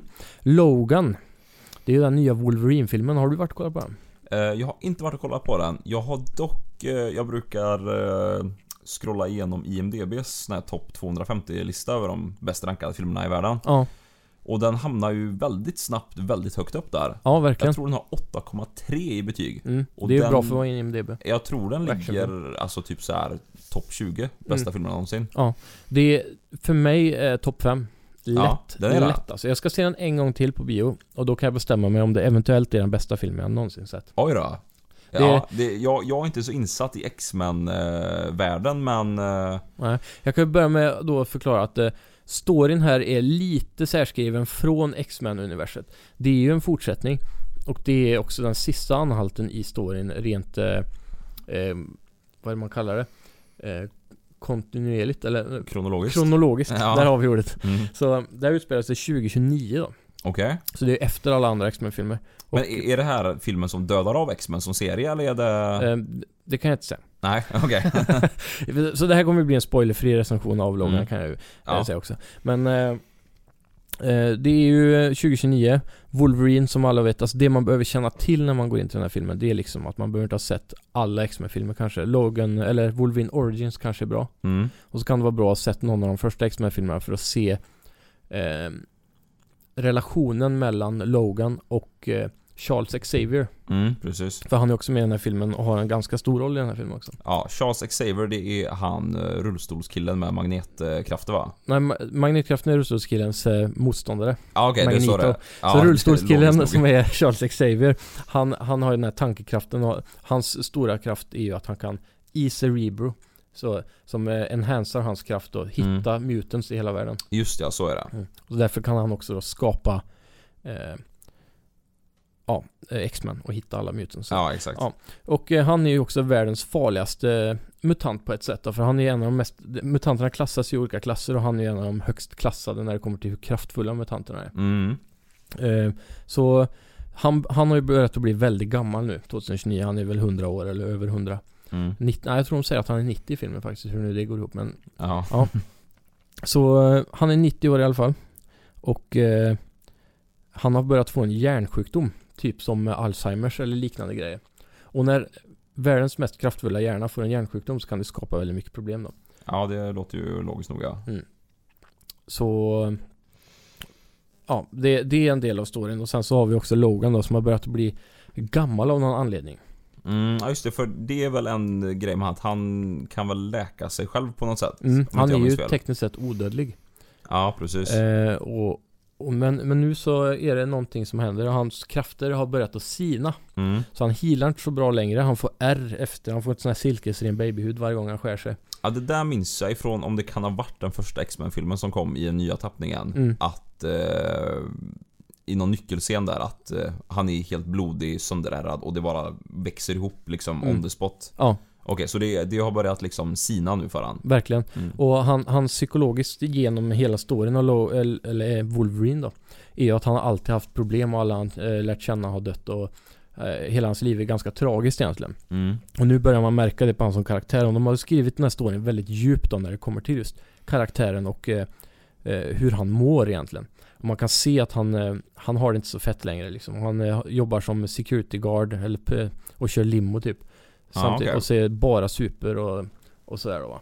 Så han är en riktig problemsnubbe. Och då, och då kan man egentligen säga att den här filmen fokuserar mer på Logan i sig än Wolverine då. Ja. Och det är men- därför filmen har, heter Logan också ska vi säga. Ja, det, det känns ju bara som när du berättar att den har lite mer djup än vad tidigare X-Men-filmer har haft. Det är ju Mm. Verkligen. vad jag har sett i alla fall. Ja, och, och det är också redan snack på att han förtjänar en Oscar för den här rollen. Ja, Så- jag har inte sett den så jag vågar inte uttala mig Nej, men... Men eh, det, det är snacket på stan så att säga. ja, okej. Och det, det förstår jag, för det här är den bästa rollen Hugh Jackman någonsin har gjort. Men hur är den... eh, För när, när jag tänker, jag är inte alls något större fan av superhjältefilmer och så egentligen. Men Mm. hur står den sig i actionen och så? Det är otroligt eh, välgjord action faktiskt. Mm. Men det är en perfekt blandning av action och lugna dramastunder. Okej, den men är, är det såna over the top som det brukar vara liksom? Stora rymdskepp, explosioner? Inte, inte alls, utan det här är mycket mer jordnära action. Mm. Det är det eventuellt att han kan slicea ner eh, 20 personer liksom. Ja, okej. Men, men, eh, men annars så är det inte... Ja, för det är nästan mitt största liksom eh, no-no när det kommer till såna här filmer. Att det blir nästan för... Mm, Avengers typ. Ja, det blir lite för maffigt allting. Ja. Ja. Det här är ju raka motsatsen i uppbyggnad av en film som de andra klassiska actionfilmerna är. Mm. Och det här är ju mycket mer en Oscarsvärd dramafilm så att säga. ja. På den nivån. Och, eh, men de poppar ändå in feta actionscener för att eh, då tilltala alla Ja, det, det förväntar man sig nästan när man Ja. går och ser en sån här film. Mm. Men... Men, men det, eh, det man skulle kunna säga att det här är som att ta The Last of Us Storyn därifrån Mm. och blanda med Wolverine. Han är jävligt lik, nu kommer jag inte ihåg vad huvudkaraktären i Last of Us är. De, I den här filmen är han otroligt lik Vad faktiskt. fan är han heter? Och det är därför det är många som vill se han i rollen som eh, Joel. Joel heter han ja, Mm. precis. Det hade ju varit eh, en perfekt casting i så fall. Ja, verkligen. Eh, de har ju i princip samma fysiska kvaliteter. Ja, och de har ju, han har ju lite gråhår i den här filmen och allt det där i skägget och håret så här, lite bara. Ja. Precis som Joel. Men det som också är intressant är att det är en liten flicka också, som man får se i trailern. Som är- I Logan? Ja, som, som, eh, som han eh, av någon anledning då måste ta hand om och ja. skydda. Kan hon heta. Ellie? Nej, Nej. faktiskt inte. Nej. Men eh, det, det är också en väldigt, gör storyn väldigt bra. Den här tri, eh, trion av flickan, Charles Xavier som är väldigt gammal och skör nu. Mm. Med Logan då som också är väldigt eh, i kanske sin värsta situation i livet och nu måste skärpa till sig för att Mm. lösa det här problemet då. Och, och det är ju också eh, knutning, eller knytningen till eh, Last of Us ännu större då med den här flickan nu. Ja, det känns som att om man vill få någonting som blir ett djupt eh, liksom emotionellt drama Mm. Släng in en farsfigur, en Ja. liten flicka Ja. och så någon mentor i det här hela. Ja. Då har du eh, liksom ett-. Då har du Oscars-nomineringen i, i handen så att säga. Ja, verkligen. Alltså, eh, har ni inte gått och sett Logan än så gå och se den på bio. Det är en film man vill se på bio. Det är inte en film man vill se på Dreamfilm på sin laptop. I 240p kvalitet. Verkligen inte. Så det, den här måste alla gå och kolla. Det är Okej. min rekommendation. Grymt.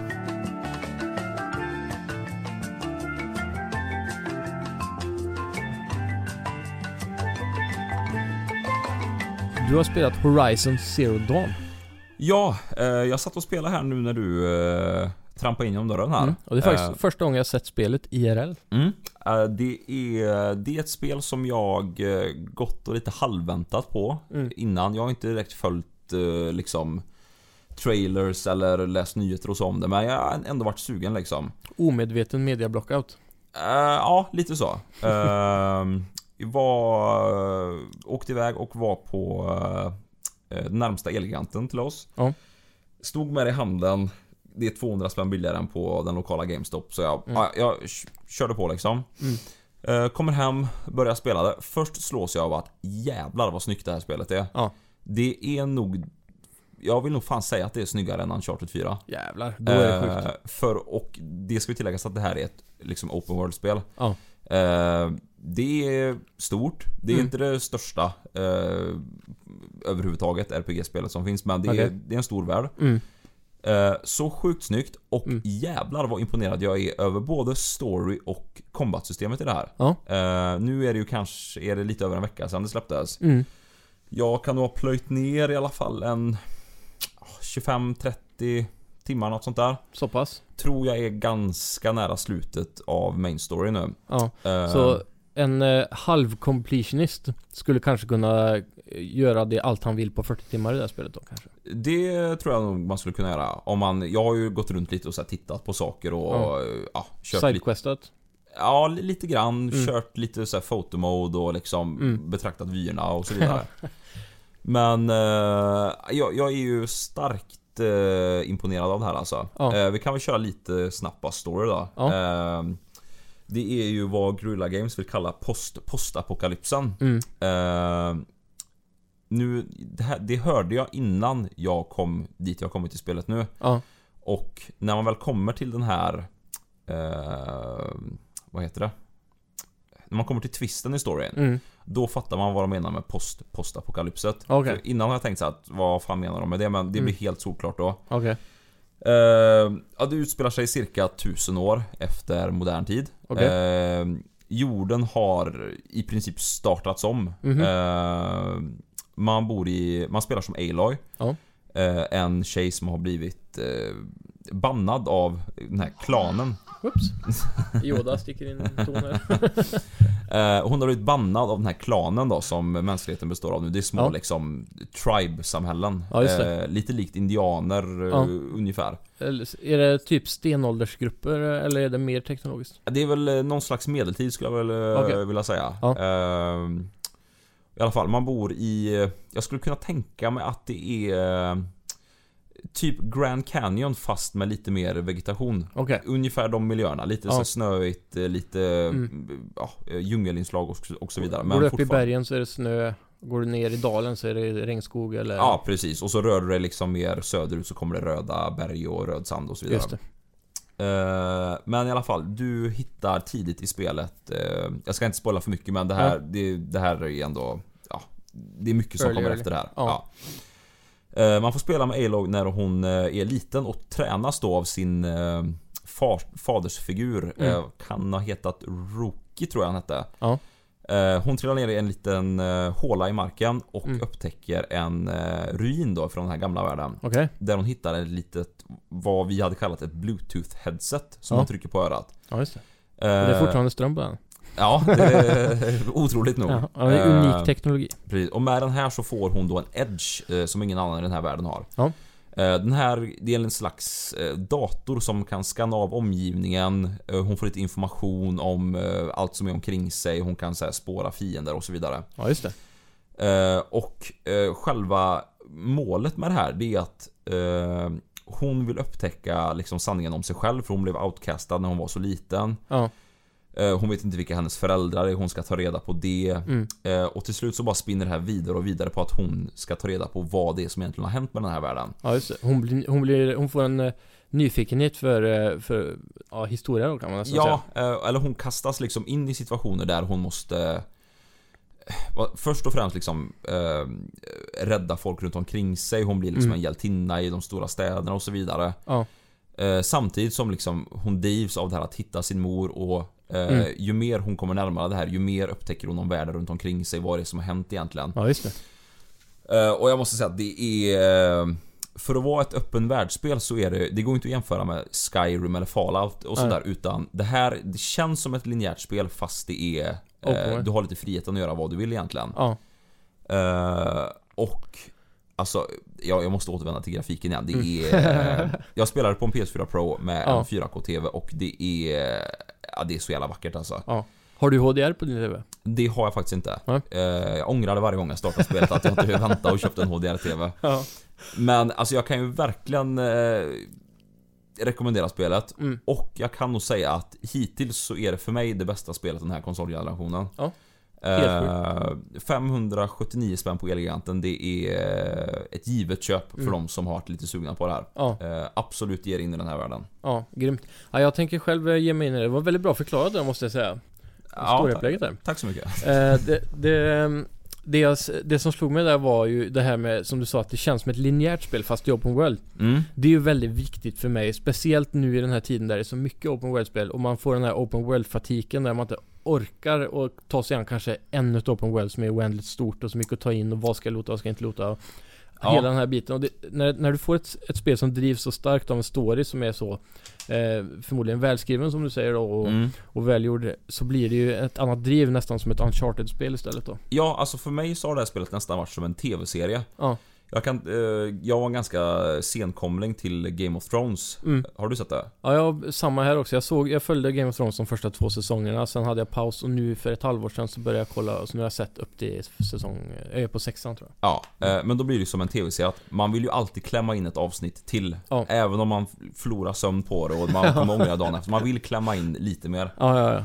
Eh, exakt så här har jag känt med det spelet. Att jag har suttit på kvällen och bara Fan, jag borde gå och lägga mig men Mm. jag vill se vad nästa Ja. quest eh, ger mig. Hur mycket närmare jag kommer Mm. liksom svaren på allting. Som små cliffhangers. Ja, Mm. eh, och det är väldigt duktig med att både hålla handen Mm. men också släppa det lite. Ja, För det, det är mycket i det här spelet som är... Alltså jag, jag kan... Jag blir nästan allergisk mot spel när jag startar upp dem. Speciellt eh, roleplaying-spel Mm. eh, med stora världar. Att jag öppnar upp spelet och så är det en miljon menyalternativ. Ja. Så här, du kan ha det här, så här talangträdet, det här Mm. inventoriet, du kan crafta det här. När jag ser det, alltså jag, jag blir yr bara av Ja. jag, jag lägger ner det direkt. så Skyrim typ.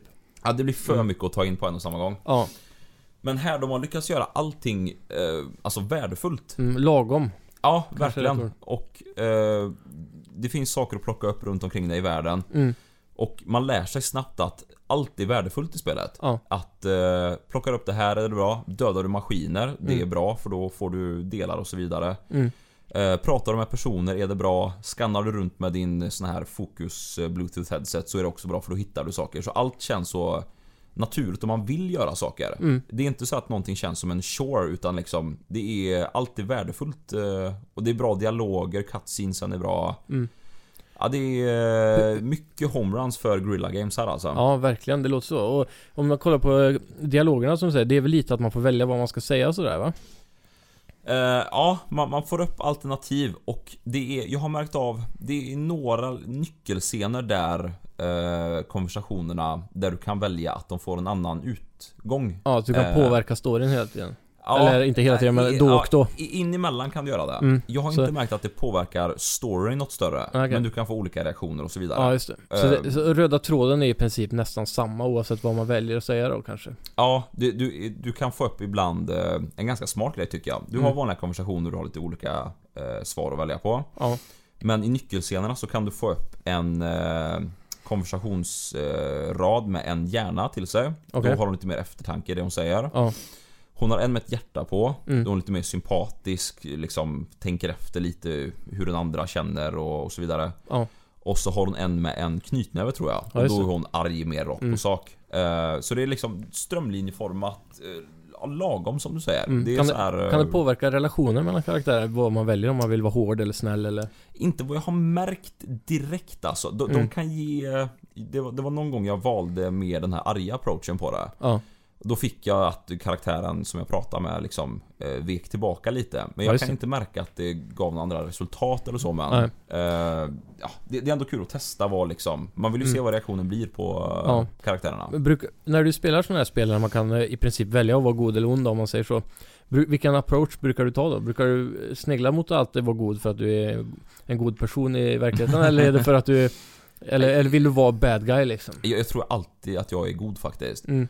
För det, det, brukar, det känns alltid som att när jag väljer de onda alternativen så blir man alltid bestraffad direkt Ja, nästan. ja, ja, exakt. Eh, Så man tvingas till att vara god även om man känner att Fan jag vill nog trycka till lite här. Ja, det är det som fascinerar mig så mycket med The Walking Dead-serien. Har du spelat den? Jag har inte gjort det. Max har snackat mycket gott om det. Ja, jag, jag kan ju tycka att spelet är ganska tråkigt i sig. Men de är väldigt duktiga på det här med att lägga upp eh, de här valen. Mm. Och där är det ju så, precis som du säger. Man vill inte ta det dumma alternativet för då blir man väl straffad. I Ja, Walking Dead så kan man vilja, då gör man mycket björntjänster om man säger så. ja okej. Man, man vill ju vara god och så går det åt helvete ändå. Ja, men det, det där tycker jag väl att tv-spel har utvecklat till att bli det nya berättarmediet. Att Mm. Alltså som, ja, läste vad som vi snackade om innan. Det är ju Mm. kanske en trött klyscha att snacka om nu men Där har man ju verkligen en relation som man väldigt sällan har för någon i tv-mediet. Absolut. Eh, och jag känner här även i Horizon Zero Dawn att hon är Aloy som man spelar som. Mm. Eh, hon är ju i grund och botten en genomgod människa som eh, hjälper alla i sin omgivning. Eh, och man får ändå mycket feeling för henne, det här liksom questet hon har på att ta reda på om sin mor och så vidare. Och liksom, Man känner hela tiden att man drivs mot att göra goda gärningar. Eh, så det är ja, mycket bra kontakt mellan karaktär och, och spelaren alltså. Det är grymt. De har också fått tunn kritik av att det skulle vara till exempel de har använt ordet barbarer i spelet och så att det ska vara eh, fult att säga på grund av indianerna men Mm. egentligen så är väl det spelet egentligen mest känt för att det är väldigt eh, diversity eller väldigt så här mångkulturellt tänkande. Det finns mycket olika och, och det, det känns inte direkt som man är påtvingad en kvinnlig karaktär utan hon är hon är bara en karaktär och så man tänker kanske inte direkt över att det är så. nej, man tänker inte på att det är att man spelar som en tjej. Det Mm. vet jag innan att det var folk som sa så att ah, men jag vill inte spela som en tjej eller så här. Ja. Hjältinnor är inte lika roligt som Ja. eh, manliga eh, hjältar i spel. Precis. Men nej, det känns supernaturligt att det är hon. Ja. Och det, man känner inte att det är något sånt här, vad ska jag säga? Eh, de har ju inte gjort Lara Croft-approachen på det. Nej. Att det är liksom, eller, nu i de senare, senare Tomb Raider-spelen då är det ju nedtonat eh, bröst och rumpa Ja. Men eh, tidigare så har de varit kända för att det, det är det som har kunnat locka den manliga Ja publiken precis. Ditt öga har aldrig sneglat extra mot Aloys röv liksom och sagt åh hon är rätt snygg liksom. med. Alltså de har gjort henne söt men inte, inte snygg. Nej, Eh, så ja, det är... Alltså i grund och botten Mm. Sjukt bra genomfört av Guerrilla Games. Det är väl deras tjeckiska studio som har gjort det här tror jag. Någon, Eh, Holland ligger de i. Holland kanske till och med. Mm. Det är väl deras motsvarighet då på om vi ska ta upp Last of Us en gång till. Ja. Eh, Last of Us var väl Naughty Dogs B-studio. Ja precis. Eh, men det märks absolut inte att det är det. Nej. Det Men jag, är... jag, jag tror, är det verkligen något, eller Guerrilla Games B-studio som har gjort det här? Jag tror det är deras A-studio alltså. Det kanske är det? Mm, jag tror det. Eh, De hade ju en B-studio baserat i eh, Cambridge. Ja, okej. Och de jobbade ju på det här eh, VR-spelet som kom. Som de eller efter det så la de ner den studion. Okej, det gick inte så bra. Nej, Nej, det sålde inte så bra, tyvärr. ja, okej. Nej men eh, det går inte att märka att det är deras första Open World-spel. Nej. Det För det var ju det många var oroliga över. De har ju bara sysslat med ganska klyschiga FPS-spel och Killzone-serien som mer eller mindre varit påtvingad från Sonys sida. Mm. Nej, det här är, eh, går inte att märka överhuvudtaget. Det känns eh, AAA rakt igenom verkligen. Klockrent. Yes, så stor rekommendation från mig i alla fall. Härligt. Vad skulle, om du, nu har inte du varvat spelet helt, ja, men slutet kan alltid påverka. Men om du skulle ge ett Johan-score, hur många plektrum av 10 får du? Eh, det är absolut 9 av 10 än så länge. Ja. Om slutet håller lika bra kvalitet som resten, Mm. då eh, blir det en 10 alltså. Grymt. Det blir det verkligen. Härligt, härligt. Ja. Då, då har vi en officiell eh, Johan-recension här i Snacka vidspel. Nu ska vi ge Johan eh, Switch i händerna, för han ska få sina first impressions av Nintendo Switch ja, här nu. jag har aldrig hållit ett Switch.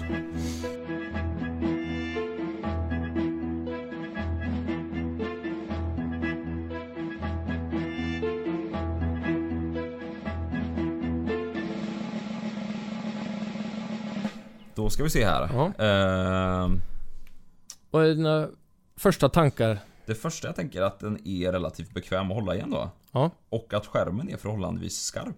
Mm. Eh, när de... eh, så låser man upp det.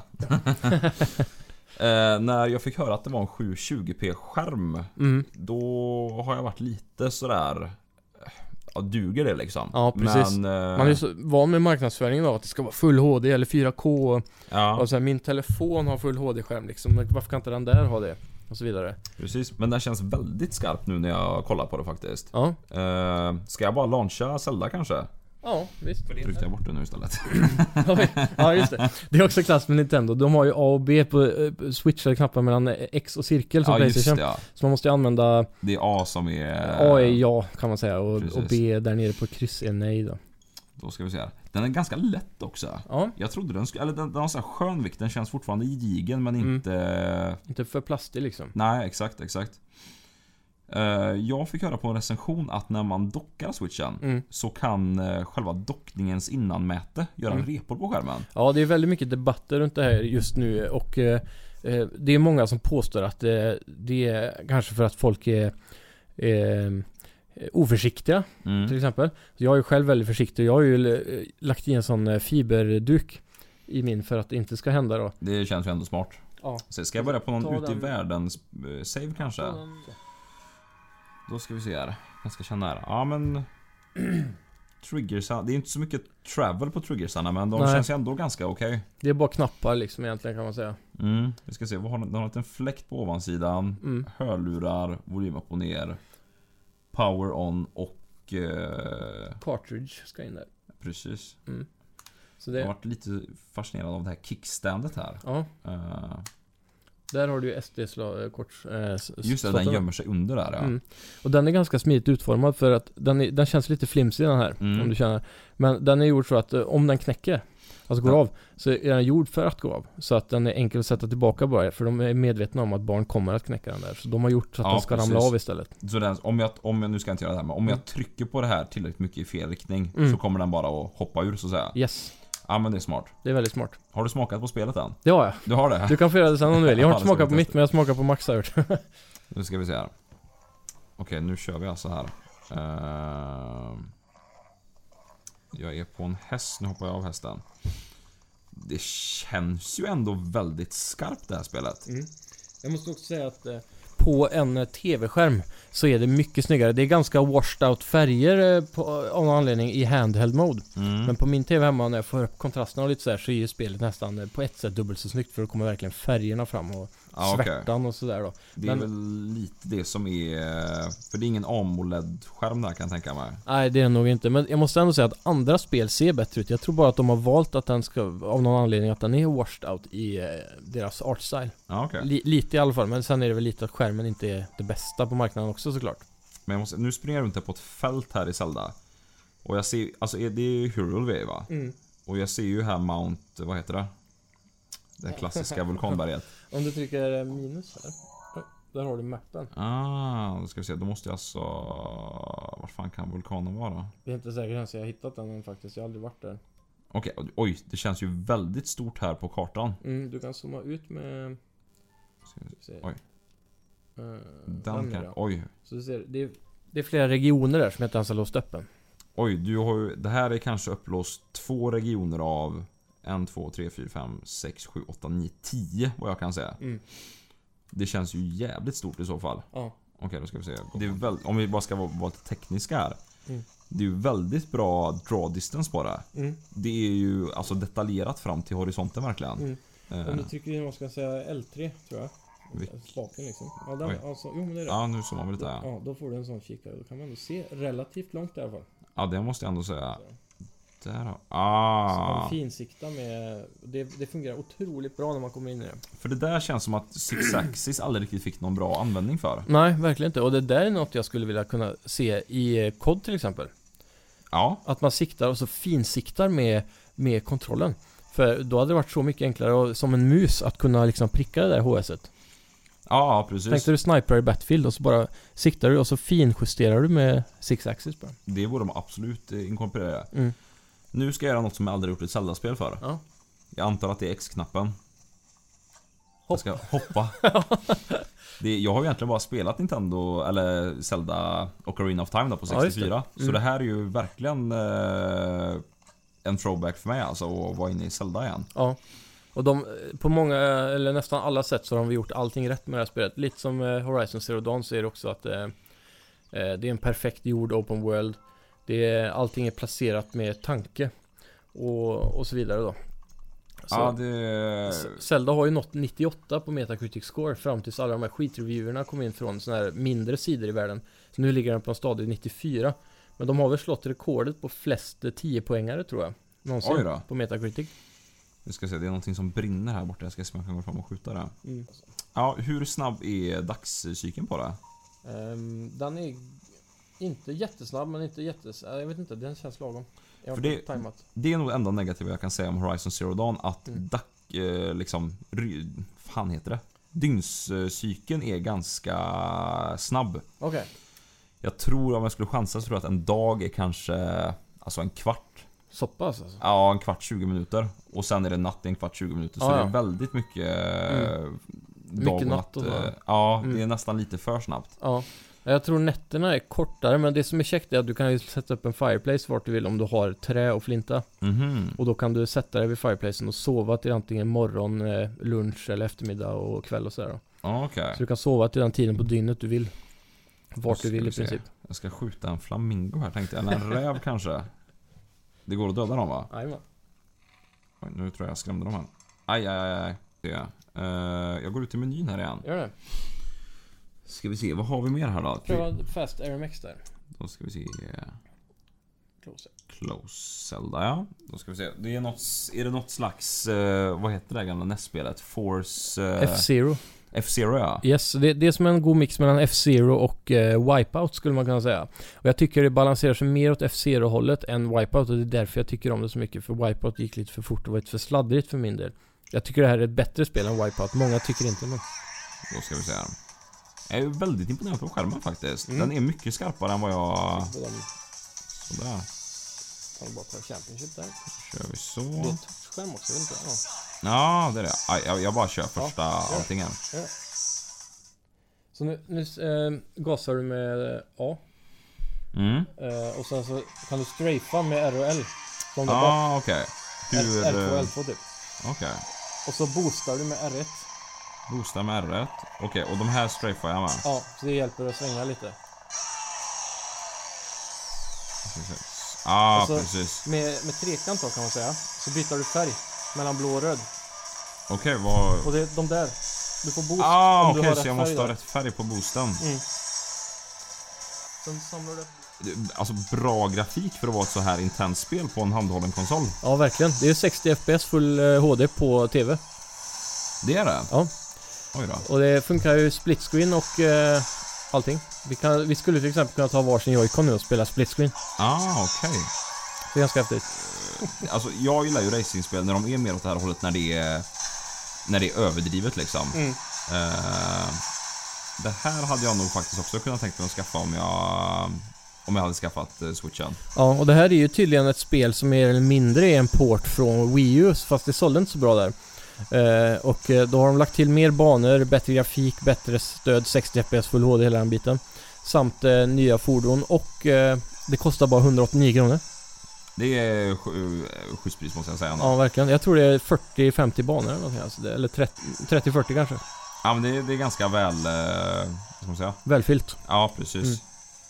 Där, ja, Kommer han in på en sjätteplats. Det är bra för första försöket för det är väldigt svårt att ta sig an de första 3-4 gångerna man spelar det. Ja, Det är eftersom det går så fort och man ska vänja sig med att byta färg och den här biten va. Ja, precis. Ja, men jag måste ändå säga att det, det känns ju som en gedigen eh, konsol ändå. Ja, Eh, Det alltså, som är här funkar ju liksom. Ja, alltså... Jag, på det jag har testat nu det lilla så kan jag inte direkt eh, säga att det känns som att det är en eh, handhållen konsol. Nej. Det, det känns ju liksom stationär konsolkvalitet på det. Ja. Då, ska vi, då tar du av joyconsen här. Och så, så sett kan man spela så här nu då. Och ha den stående så. Och det, skärmen känns ju som en eh, ganska bra storlek tycker jag i alla fall. Ja, Det är lagom. Hade den varit större eller mindre så mindre hade ju varit jobbigt. ja absolut. Men eh, större kunde också varit jobbigt beroende på situationen när man kört på tåg och sådär. Att en stor grej kanske tar upp för mycket plats. Så. Ja, ja men det här känns helt... Det, det känns perfekt att ha på det här lilla bordet man fäller ner ett fly, flygplanssäte. ja, precis. Och sitta bredvid varandra och spela. Mm. Ehm, Sen, de, om, du, om du känner på de här separat så själv tyckte jag att de var väldigt små i början alltså. Ja, lite små är de, men... Alltså jag, jag gillar ändå när det är så lite... Vad ska man säga? Det, det känns som att det är så mycket tech Mm. inne, Ja, high-tech-grejer. inbakat i dem. Ja. Att... Eh, alltså det är nästan bara roligt att hålla i dem typ. Mm. För den här har ju alltså Rumble Nu håller jag i den röda joyconen här Ja. Den har ju liksom ett styrkors, en hemknapp eh, Triggers, R1, R2, left, right och allt vad Mm. det är Eh, Så det är ju det är mycket grejer på den här lilla Mm. Även eh, den högra som du håller i där har ju NFC-mätaren bakom joysticken för eh, Amiibos som är som Skylanders-figurerna. Ja just det, man kan eh, docka de här på den här för att få Ja. in dem i spelen så att säga Och sen även på undersidan så har du ju IR-sensorn där som är den här eh, ökända när man ska äta macka i One to Switch. Ah, okej det, Men ja, jag tycker att de känns ganska... Alltså Mm. visst, jag hade ju inte kanske velat spela igenom eh, Skyrim med det här men... Nej.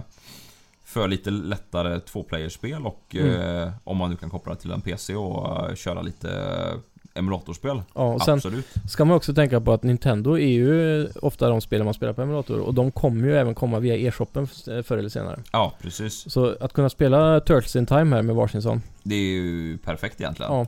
Det ska ju också sägas att det följer ju med en sån här liten eh, grej som man kan slida på här på sidan så att den blir lite högre och får ordentliga knappar till dem. Just det, man kan höja upp eh, R och L-knapparna lite. Mm. Ja, Och då blir den lite mer gedigen att hålla i sådär. Eh, och det, det hjälper mycket faktiskt när man spelar med separata joycons. ja. Men det, som- det känns som att Nintendo gillar sån här plasttillbehör. att eh, trycka på eh, sina konsoler och handkontroller och allt vad det är. Ja. Eh, ska vi se om vi bara trycker hemknappen här.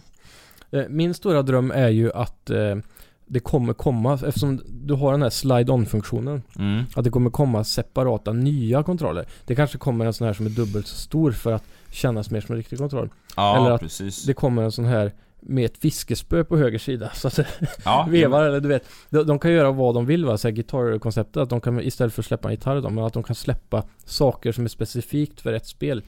Som man kan slida på och ha som handkontroll. Kanske en ny... Eh, vad heter den här i det jaktspelet? Eh, Powergun eller vad hette den? Powergun. Den här man hade i Duck Hunt. Ja, Duck Hunt ja. Vad hette den Ja, pistolen? eh, ja vad, su- su- Nintendo Lightgun kanske eller? Ja, något sånt kanske det var. Mm, jag kommer inte ihåg. Eh, möjligtvis att något sånt skulle komma. För jag kan tänka mig att det här... Mm. Den här är ju lite mer kapabel till att kanske klara av eh, FPS-spel och Mm. eh, ja, lite mer högoktaniga spel också. Ja. Än vad Wii och eh, Wii U kanske var kapabel till. Ja. Ska se om jag slidar på den här. Ska vi se, jag har också hört om det här klicket. Mm. Ska vi se, ska vi göra samtidigt? Ja. Ett, två, tre. Ah, ja, det, det, det var skönt att. Det, det känns rätt bra faktiskt. Om du provar att ta ut den, det är bara den lilla knappen där. Okej, då ska vi se. Ja, men det eh, funkar ju bra ändå. Och så ett klick till. Ah, ah, riktigt skönt alltså. Ja, det är fint. Jag för mig att den ska göra ett ljud också. Ja, Ja. Det är, jag hade sänkt lite där men Åh, så kommer den där klassiska Nintendo-ljudet. Det låter som att öppna en eh, colaburk på en Ja, eh, varm så. sommardag. Verkligen. Alltså det, Eh, ja, det Jag har ändå sett att den känns ganska gedigen. Eh, Nintendo-konsol.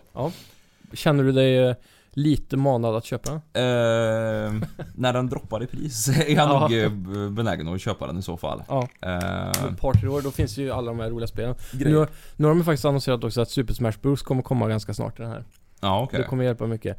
Det andra häftiga är ju att om, man om alla har varsin Mm. så kan vi mötas upp och sätta upp lokalt multiplayer trådlöst upp till åtta spelare i de Just flesta ja. spelen. Precis. Uh, grejen är att jag äger ju en uh, Vita-konsol Ja, just det. som jag inte använt så mycket. Nej. Så jag vet inte om det kommer bli samma sak med den här om jag skulle köpa den. Att det blir någonting som hamnar i uh, nattduksbordet bredvid sängen. Ja, jag tror den stora skillnaden är väl att det finns mer kvalitetsspel och att man har dockan till TVn som gör Mm. att eh, det blir en liten skillnad där. Det var väl det som var Vitans eh, grav lite att eh, det kom inte så många AAA-spel. Nej. Jag spelar ju igenom uh, Uncharted Golden Abyss Mm. och det är ju klockrent. Ja. Men utöver det så är det inte så mycket som finns egentligen. Nej, det är också en indie-maskin egentligen. Ska man säga. Ja, jag hade ju verkligen önskat mig ett, eh, en light-version av Rocket League till Vitan. ja, Då hade Och- jag spelat det dag och natt. det är det jag går och drömmer om för Switch. Ja, Jag vill ha Rocket League. Finns ju möjlighet att det kan komma faktiskt. Ja, för det. Eh, det, det lät nästan så på eh, utvecklaren eh, under den här intervjun som jag pratade om tidigare. mm, Och jag tror det hänger på hur många exemplar den säljer. Mm. så tror jag det kommer komma... Än så länge ser det ju väldigt positivt ut. Ja, vi får ju hoppas helt enkelt. Ja. Kommer Rocket League och jag kan spela det i sängen, då kan det bli en switch för mig. Ja, faktiskt.